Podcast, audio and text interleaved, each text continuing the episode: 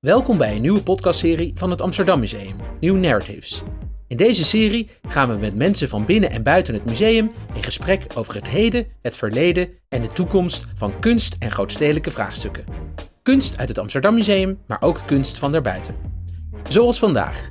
Deze eerste New Narratives aflevering is een digitale versie van onze gesprekkenserie Queer History Talk, die eerder analoog in het museum plaatsvond. Aansluitend op de allereerste Nederlandse Queer Geschiedenismaand en de geboortedag van schrijver en burgerrechtenactivist Audre Lorde hebben wij samen met Black Queer Trans Resistance deze aflevering samengesteld. Audre Lorde in Critical Times. Mirjam Sneeuwloper, educator van het Amsterdam Museum, spreekt met Naomi Pieter over haar band met Audre Lorde's werk. Waarna Sandra Frank uiteenzet wat de relevantie van het werk en het denken van Lorde is voor de generatie Sister Outsider en die van de huidige tijd. Vervolgens reflecteren Naomi Pieter, Sorab Roustayar en Simon Simone van Saarloos op de huidige Critical Times aan de hand van passages uit Lords werk.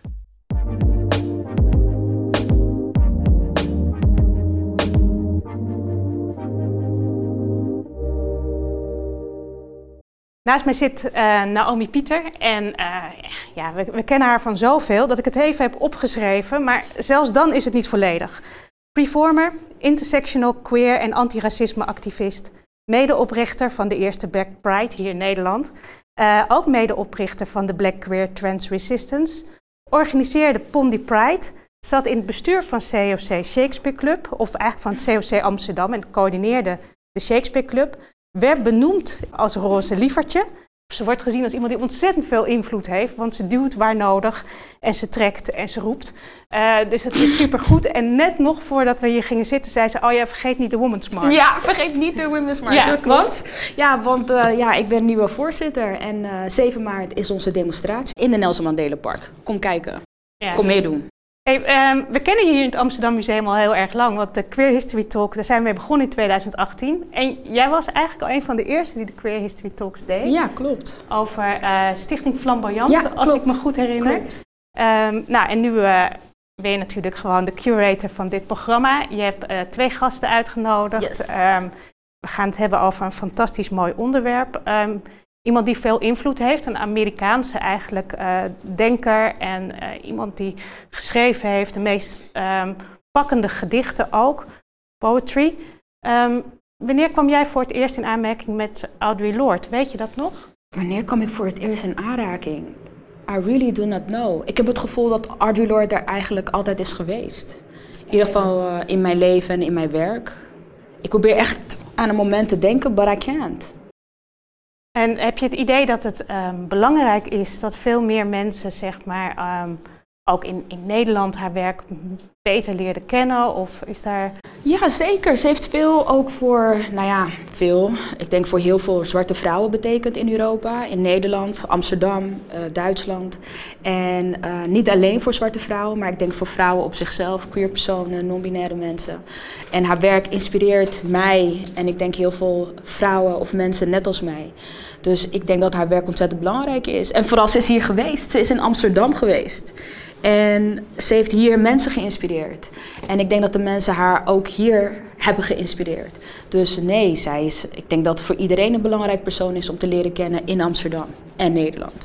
Ik vind het echt super dat jij er bent. We zijn ontzettend blij met dit programma. Dus um, zoals we het doen, de floor is yours.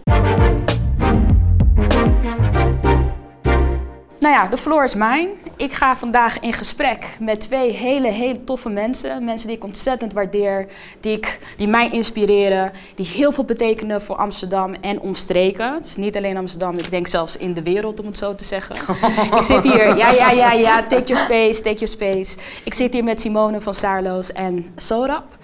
Voordat we in gesprek gaan, gaan wij kijken naar een video van Chandra Frank. Chandra is ook iemand waar ik ontzettend veel respect voor heb, die ik ook geweldig vind. Chandra is een feministisch onderzoeker. Die werkt op de kruispunten van archieven, waterwegen, gender, seksualiteit en ras. Kortom, she's the bomb en we gaan nu kijken naar haar video. Let's travel back to the 1980s to a bookstore in Rotterdam. Gloria Becker, known to most of you as Emeritus Professor and author of The Politics of Passion and White Innocence, found herself looking at a book called Zami in 1983.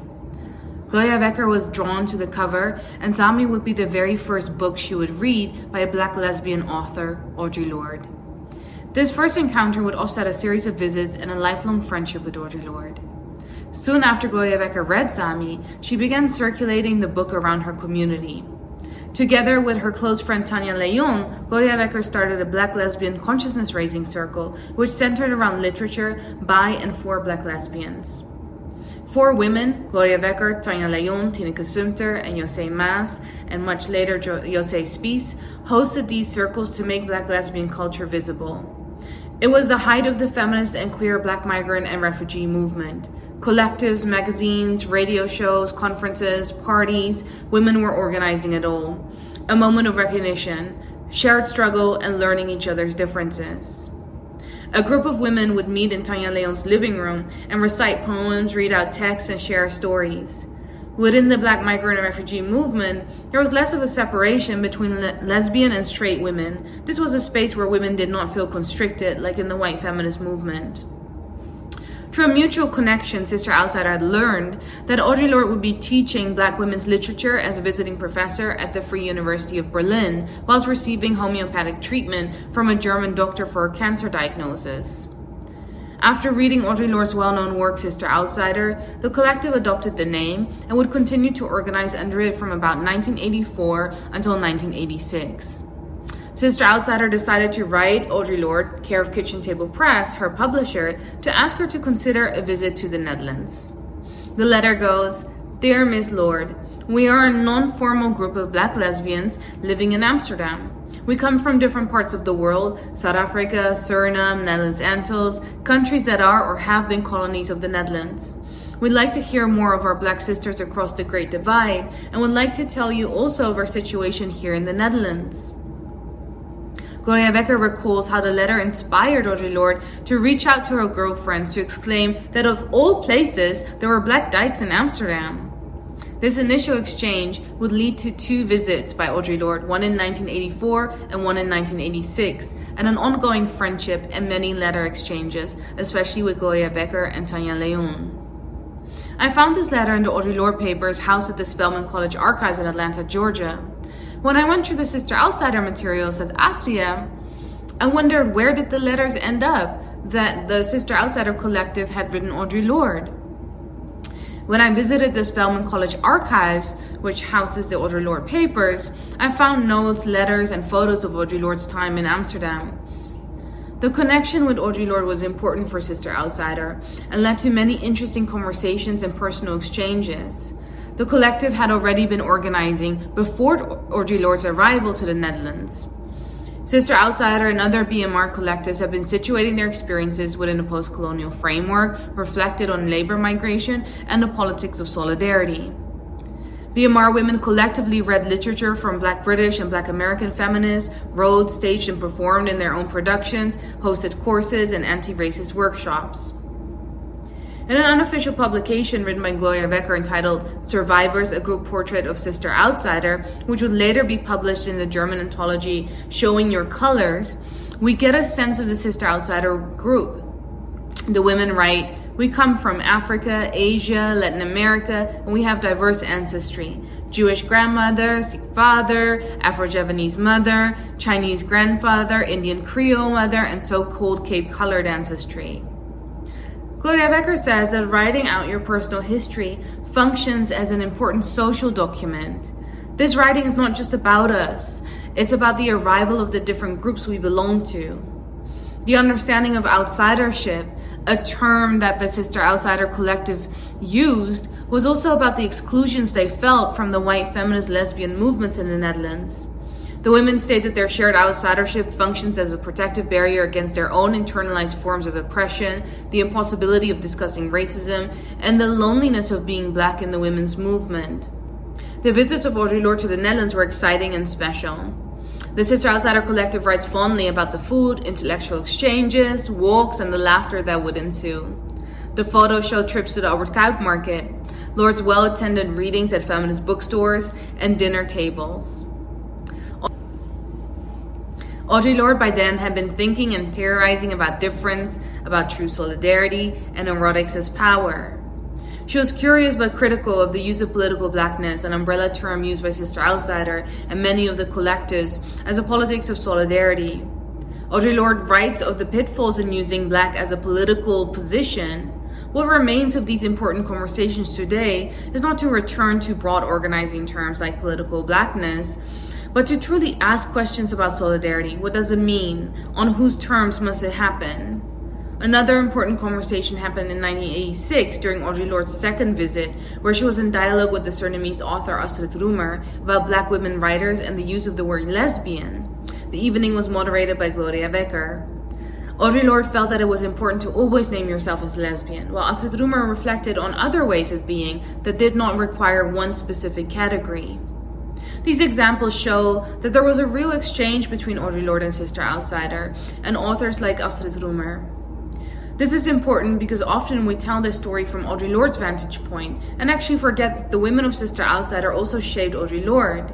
Audre Lorde took meticulous notes of the names of the women she met. She journaled about delving into Gloria Becker's book collection about Suriname and would continue to write Sister Outsider to ask about what was happening in the Netherlands.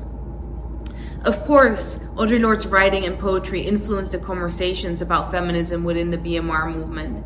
But more than anything, what these stories show us is the importance of kinship networks, of diasporic connections, spirituality, the multi generational exchanges that happen, dancing and crying together, raising your glasses for a toast. That kind of feminism and queer presence will always linger on. Ik ga mijn gasten welkomen. Ik zit hier met So, So Rap.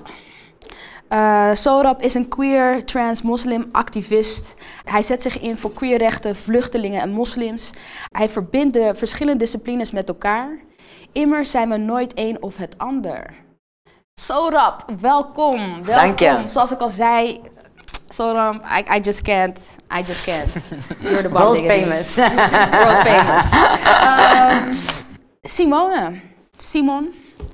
Um, um, Simone Simon is een auteur en publiceerde vier boeken. Vier. Waaronder Herdenken herdacht over queer vergeten, lineaire, hm? hoe spreek ik dit uit? Lineaire tijd. Lineaire tijd. Oké, okay. lineaire tijd. Ja. Standbeelden in Nederland en belichaamd herdenken. Momenteel heeft Van Saarloos een audio installatiewerk in het Amsterdam Museum. Je bent overal. En je bent ook hier. Nu in de kelder. Ja, ja nu in de kelder. Nu het geweldig. Beste plek om te zijn. Ja. ja. Welkom allemaal. Dank Echt super tof dat jullie hier wilden zijn met mij en het gesprek aan wilden gaan over Audre Lorde in critical times. Because we are in critical times. Ja. Ik denk dat, I think we, we passed the critical times. Ik okay. denk dat we het is vijf voor twaalf als het gaat over racisme en fascisme. Ja. Het is een, een mondiaal probleem. Het is niet alleen maar wat alleen maar zich in uh, VS vestigt, maar het zit ook echt heel erg hier in Europa. Het is in de afgelopen tien jaar is het enorm gegroeid. Dat zien we in Frankrijk, in uh, Duitsland, in Engeland, maar ook in Nederland natuurlijk met Baudet en Wilders die alleen maar extremer en extremer gaan. Terwijl de, de centrum-midden of centrum-rechtse partijen ook steeds meer aan het leunen zijn met, uh, uh, met Baudet en met Wilders. En dat zie je ook door bijvoorbeeld dat de VVD in uh, Brabant wil gaan uh, samenwerken met Forum voor Democratie. Dat het zo genormaliseerd is dat fascistische ideeën en boreale tijdwerken en etnische zuiveringen, verkrachtingsculturen gewoon genormaliseerd zijn hier. Sorab, die zegt heel veel. Ja. Die zegt heel veel. Nee, je zegt nee, maar dat is heel goed. Um, ik denk voor mensen die misschien niet weten waarom Sorab ineens hierover begint. Um, dat komt. Ja, nee, maar ik heb niet. Ja, ja, ja. Want nee. Uh, ik heb eigenlijk niet ingeleid hoe het komt dat wij dit gesprek gaan voeren ja. of wat de insteek hiervan is.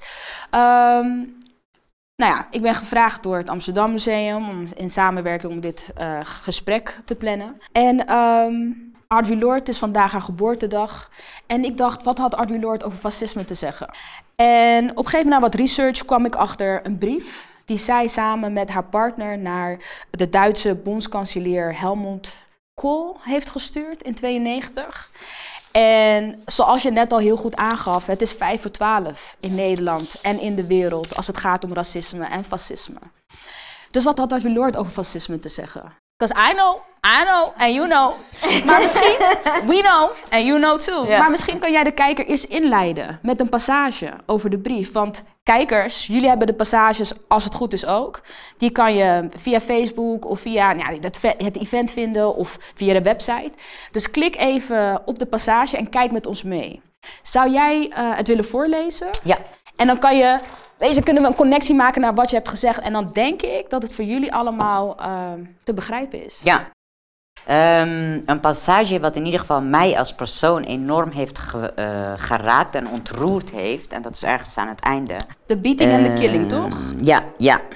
De beating en ja, de en killing. de, be- eh, dat is dus de vier, derde kolom. Oké. Eh, derde kolom onderin. Zou je willen voorlezen? ja. Dat zegt: The beatings and the killing and burning of other human beings because of who they are is wrong. It was wrong in 1933, uh, 32 and not stopped. And it led to the murder of millions of people, to the lying waste of a continent, and to the defilement of an entire generation.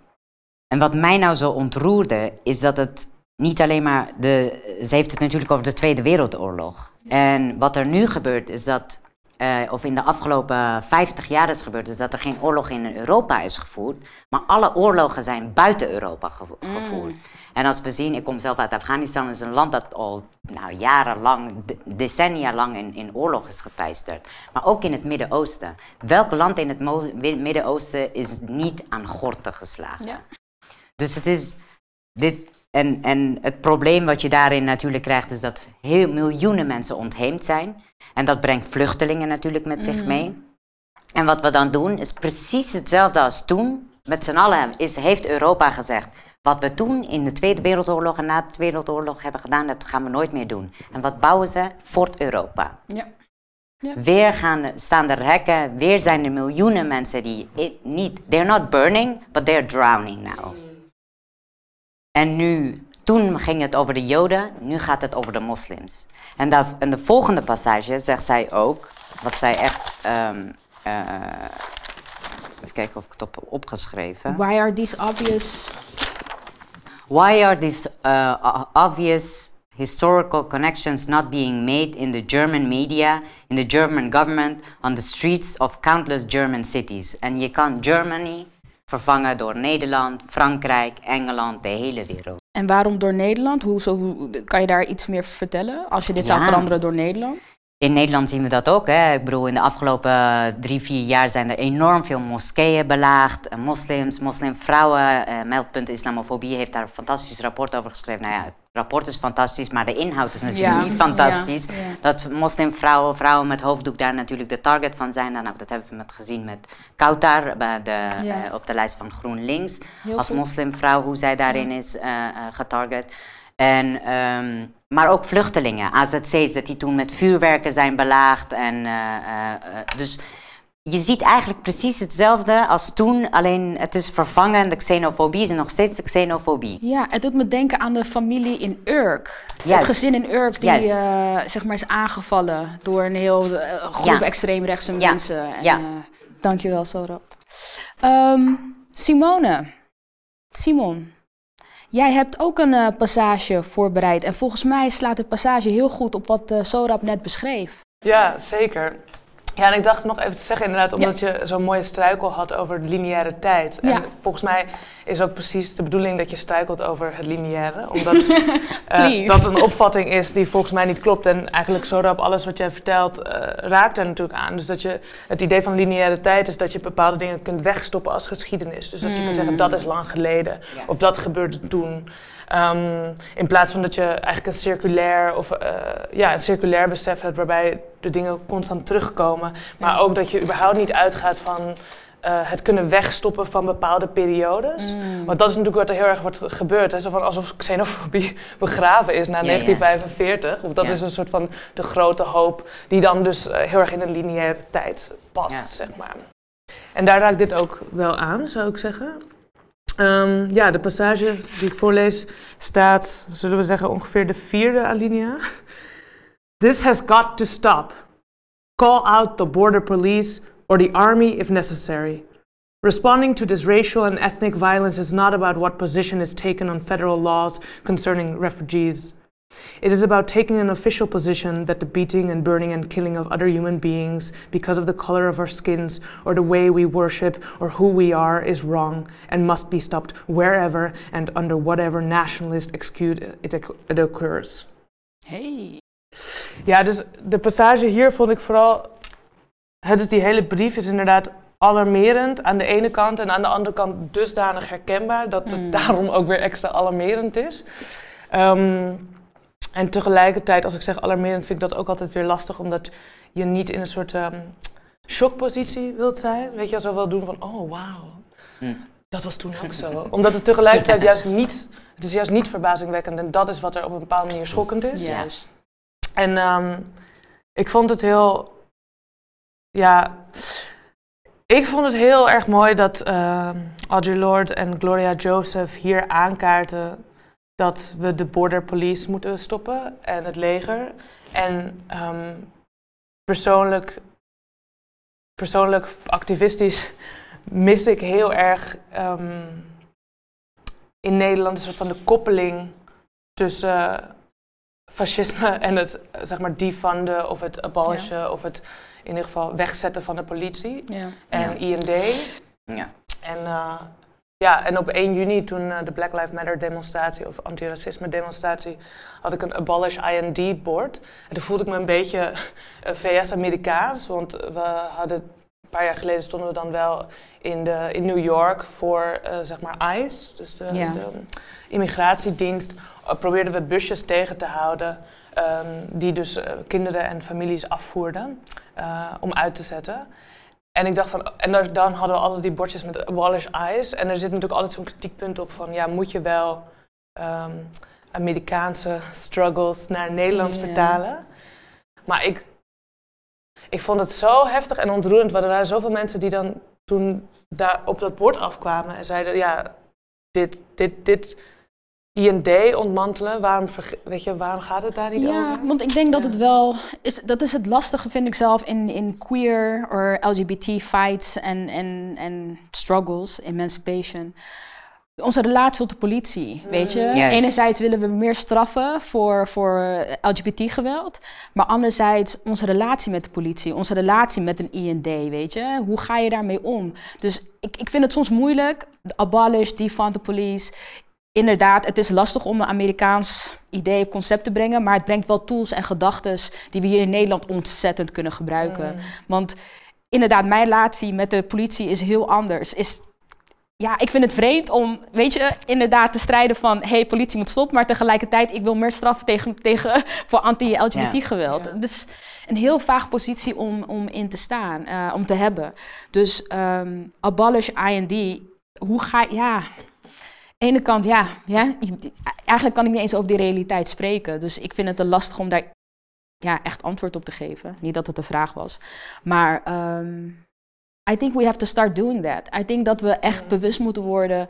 Als wij vechten voor LGBT rights of emancipatie, wat betekent dat precies? Is dat daadwerkelijk reinforcing the police and getting, you know, more justice within that? Of is it actually that we need to defund, abolish, because it's an oppressive system for anybody? Precies. So we don't need that. We don't want that. Weet toch, abolish all oppressive systems. Ja. And let's look how we ja, transformative justice. Hoe we op een andere manier kunnen omgaan met straffen, met crimineel gedrag, met, weet je, Ja. whatever we find criminal. En, ehm, nou goed, maar dat is een andere discussie. Ehm, ik denk dat Audre Lorde in ieder geval haar werk wel dit opent. En een inzicht geeft in, in haar tijd toen. eh, en en Ja. hoe belangrijk het werk nu is. Maar het snijdt inderdaad natuurlijk wel heel duidelijk de respons aan. Dus hoe reageer je Ja. op onrecht inderdaad? En dat is denk ik wel een stap die inderdaad de transformatieve rechtvaardigheid, hè, hoe ziet dat eruit? Dus niet alleen het weghalen van de oppressieve systemen, maar ook hoe ziet het eruit als, als je dus op een andere manier, eh, if you want to call people in. Ja. En je zou, want je ziet natuurlijk hè, dat geweld, bijvoorbeeld bij die familie in Urk, dat er Ja. heel snel de neiging is van stuur de politie. ja. Maar dat je echt zo denkt, nee, maar they are part of the same Ja, ja, tuurlijk, tuurlijk. violence. Ja, Dus, ja. en, en dat vind ik echt fantastisch dat ze dat in, in Europese, German, Duitsland of, of Nederlandse context zet. Ja. Maar het, is ook, probleem is ook dat er hier in Nederland heel, veel, heel weinig eh, begrip en solidariteit is. Een van de, eh, hè, bijvoorbeeld dat ehm, eh, was in Australië. Toen op een gegeven moment de eerste ja, aanslagen op moskeeën plaatsvonden. We organiseerden een demo in Amsterdam. Er, waren, er was nog niet eens 50 mensen op afgekomen. Het is gewoon, het is vooral de manier waarop het systeem heeft op een gegeven moment ingedeeld. En dat er bepaald wordt wiens leven is het is wat waard. Wie heeft een waarde? En kennelijk zijn het de mensen die geen papieren hebben, ook die totaal dus ook geen waarde hebben. Het zijn nummertjes en sommige mensen zijn niet eens meer nummertjes. En dat geldt nu dus ook, dat is dus wat er in, in deze frame is geworden. En ik ben het met je eens dat, eh, dat we systemen moeten gaan ontmantelen. Maar dat lijkt dus kennelijk helemaal niet zo'n populair idee te zijn. Weet je wel, als je aan mensen zegt, ja, we moeten tegen IND, tegen de politie, zeggen ze, nou ja, de politie. Ja. Dit brengt me ook bij een quote eh, van, van Audre Lorde in de brief. But where are the personal and official outcries against this racist victimization and Precies. xenophobia? Where are the official and personal outcries? Dan moet ik toch, want nou ja, moet ik toch een hoopvol beeld schetsen in Nederland. ja, ergens moet ik dan een hoopvol beeld schetsen, want wat er op een gegeven moment is gebeurd, dan denk ik aan afgelopen jaar, Black Lives Ja. Matter 2020, 1 juni op de Dam. Ja, Kijk, ik, ik, ik ben al een aantal jaar ben ik bezig met Kick-Out Zwarte Piet. Jullie ook. Ja. Je, ik heb jullie ook verschillende demonstraties gezien op straat. En ehm, ehm, op een gegeven moment, op 1 juni, toen we de demonstratie hadden aangekondigd. En ehm, nou ja, ik kwam daar op de Dam. Op een gegeven moment, ik stond daar op het podium. En ik had nog nooit op een antiracisme, poli- anti-politie-demonstratie, whatever, nog nooit zoveel mensen gezien. Nog nooit. Ja. En dat was, ik krijg bijna tranen ervan. Dat was gewoon een hoopvol moment. ja. Dus ik, ik wil toch ergens een beetje hoop brengen naar Nederland. Want er is ook wel verandering die plaatsvindt. Los dat de verandering die we ook zien een beetje grimmig is. Want ik vind het ook wel eng worden in Nederland. Extreem rechts die zo zwaar genormaliseerd is. Maar tegelijkertijd voel je je ook ergens een beetje hoop. Voel je ook ergens een beetje verandering. Ik denk dat 1 juni 2020 dat dat het moment van transformatie is geweest. Daarvoor was ik niet hoopvol, was ik boos. eh, zat ik op elke panel een beetje zo'n beetje dezelfde riddles te gaan houden van dit is het probleem. Maar na, eh, en ik denk dat corona daar een, een, deze pandemie daar een, een, een, een hulpmiddel is geweest, doordat er een, een- de economie een beetje gestopt is, geremd is. Er wordt geprobeerd om de economie te remmen en we hebben het gezien, de eerste collapse kwam al, dat, dat heel de overheid en kapitalistische bedrijven dachten, oh my god, wat gaan we hiermee doen? Ja. En dat daarna weer de economie werd draaiende gehouden, maar dat er een, een collectieve transformatie gaande is. Dat mensen denken: hé, hey, wat de fuck zijn we eigenlijk aan het doen? En volgens mij moeten we het anders gaan doen. En wat mij hoopvol maakt, is dat ik ben, ik ben 34, ik was 33 op die demo. en ik liep daar en ik voelde me oud. Ja. Want de gemiddelde leeftijd was volgens mij 21, Ja. 22. En toen dacht ik, yes, over een paar jaar kunnen we het stokje overdragen. Want er is een nieuwe generatie die het begrijpt. Yes. Dat yes. geeft mij hoop dat ik denk, ik kan nog even door. Zouden wij de hoop zijn van Audre Lorde? Ja, denk het wel. Al, En jij- ik, en jij- ik geef en jij- mezelf nu schouderklop. on, come on, come on, come on. We're, we're as queer people, Ja, ja, we're, ja. we're, we're, we're, we're here, we're alive. Ja, Dus wat, wat is voor jou? eh, Ja, as queer people, yes. Als een wit persoon eh, voel ik me ook wel geroepen om me te distancieren van hoop. Omdat ik vind dat het ook een soort eh, witte honest, lineage is. honest, honest. Ehm, in die zin dus dat je, als je wit bent, ga ik even heel breed spreken, maar ik, laat ik dat maar even doen. Dan gro- groei je denk ik op wit in Nederland, groei je op met het idee dat de toekomst voor jou is uitgestippeld op een bepaalde Ja. manier. Heb je weer dat idee van lineaire tijd, weet je wel? Ehm, dat in tijden van crisis zoals nu het voor jou wel goed komt. Nou, dat is ook wat je ziet. Hè? Jij noemt de economische stop true. Maar aan de andere kant de enorme ongelijkheid die juist groeit. Het feit dat vaccins voor sommige mensen, en dan heb ik nog niet eens over de, de, de super slow way hoe het hier op gang komt. Maar ook over welke landen, hè, zeg maar puur op nationaal niveau, eh, vaccins inkomen. Dus je ziet dat het de farmaceutische industrie eigenlijk totale boost krijgt en hè, zeg maar, hoe dat Ja. gelinkt is met Ja. nationale inkoop, vind ik, nou ja, allemaal best wel, oké, ik zou hoopgevend antwoord geven, maar vind ik niet zo hoopvol. en ik vind wel, dus ik, hè, zeg maar, persoonlijk heb ik hoop omdat ik me bezig hou met activisme, et cetera, Ja. et cetera, weet je, omdat ik me omring met fijne mensen. Maar eh, vanuit, zeg maar, mijn witte positionering vind ik eigenlijk dat het tijd is om de hoop op te geven als het gaat over dat, je dus, dat het altijd wel goed komt met jouw positie. Want dat is juist het onrechtbestendige. Ja. En in dat, dan ga ik nog Ja. één quote, want ik heb, ik, ik heb nog één snelle quote, nu dat je dat Ja. zegt. Um, I'm encouraged and heartened by the slowly growing number of white German citizens beginning to organize and protest against the racial and ethnic hatred being acted out in their name. But this number must swell and quickly. Precies. Precies. Just in line, this number must swell and quickly. Ja, Toch? ja. En echt dank voor deze scherpe, scherpe analyse in relatie tot hoop. Witheid tot hoop, witte mensen en hoop. Ehm, hoop is voor mij, nou ja, obviously heb ik een andere positie in relatie tot hoop. I need to have hope. Want anders geloof ik, geloof ik niet zo snel in verandering. Omdat verandering nooit in ons voordeel werkt of is of is geweest. Dus, Klopt. nou ja, hoop is, eh, keeps me going. Ja. Maar goed, ehm, dank voor dit gesprek. Het is kort, maar krachtig. Ehm, voordat wij dus gaan afsluiten, heb ik nog iets. Nog iets in de mix. nice, nice, iets in de nice, mix. nice, Ehm, we gaan nu luisteren naar een voordracht van Smita James. A Litany of Survival. Dat is een eh, poem van Audre Lorde, die zij gaat voordragen voor ons. Luister en enjoy. A Litany for Survival by Audre Lorde. For those of us who live at the shoreline, standing upon the constant edges of decision, crucial and alone. For those of us who cannot indulge the passing dreams of choice, who love in doorways, coming and going, in the hours between dawns looking inward and outward, at once before and after, seeking a now that can breed futures, like breath in our children's mouths, so their dreams will not reflect the death of ours. For those of us who were imprinted with fear, like a faint line in the center of our foreheads, learning to be afraid with our mother's milk. For by this weapon, this illusion of some safety to be found, the heavy footed hoped to silence us. For all of us, this instant and this triumph, we were never meant to survive. And when the sun rises, we are afraid it might not remain. When the sun sets, we are afraid it might not rise in the morning. When our stomachs are full, we are afraid of indigestion. When our stomachs are empty, we are afraid we may never eat again. When we are loved, we are afraid love will vanish. When we are alone, we are afraid love will never return.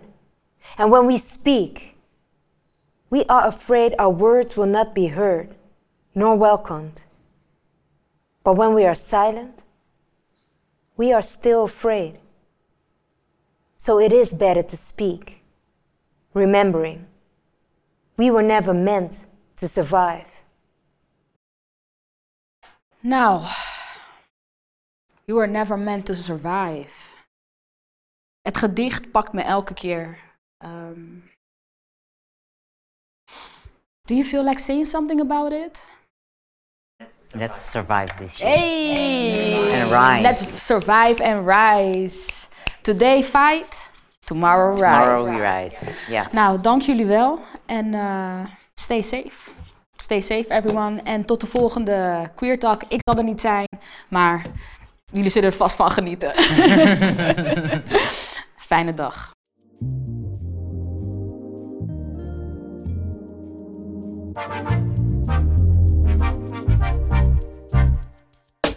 Dit was de eerste New Narratives podcast aflevering van het Amsterdam Museum. Dank aan alle gasten en aan u voor het luisteren. Wil je deze uitzending terugkijken? Dan kan dat op onze website www.amsterdammuseum.nl. of op ons YouTube-kanaal. Als u wilt reageren op deze uitzending, dan kan dat door te mailen naar podcast@amsterdammuseum.nl. En we vinden het heel leuk als je een review kunt achterlaten op iTunes. Tot volgende week.